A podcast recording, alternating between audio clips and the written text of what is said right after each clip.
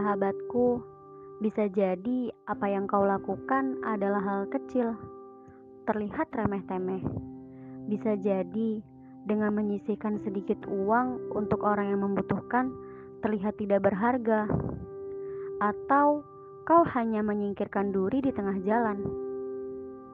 Bisa jadi tersenyum di hadapan saudaramu terlihat tidak berharga, atau Kau hanya mendengarkan curahan hati seorang teman yang sedang bersedih, terasa tidak bernilai. Hei, masih ingat kan? Banyak sekali cara untuk mempersiapkan bekal pulang.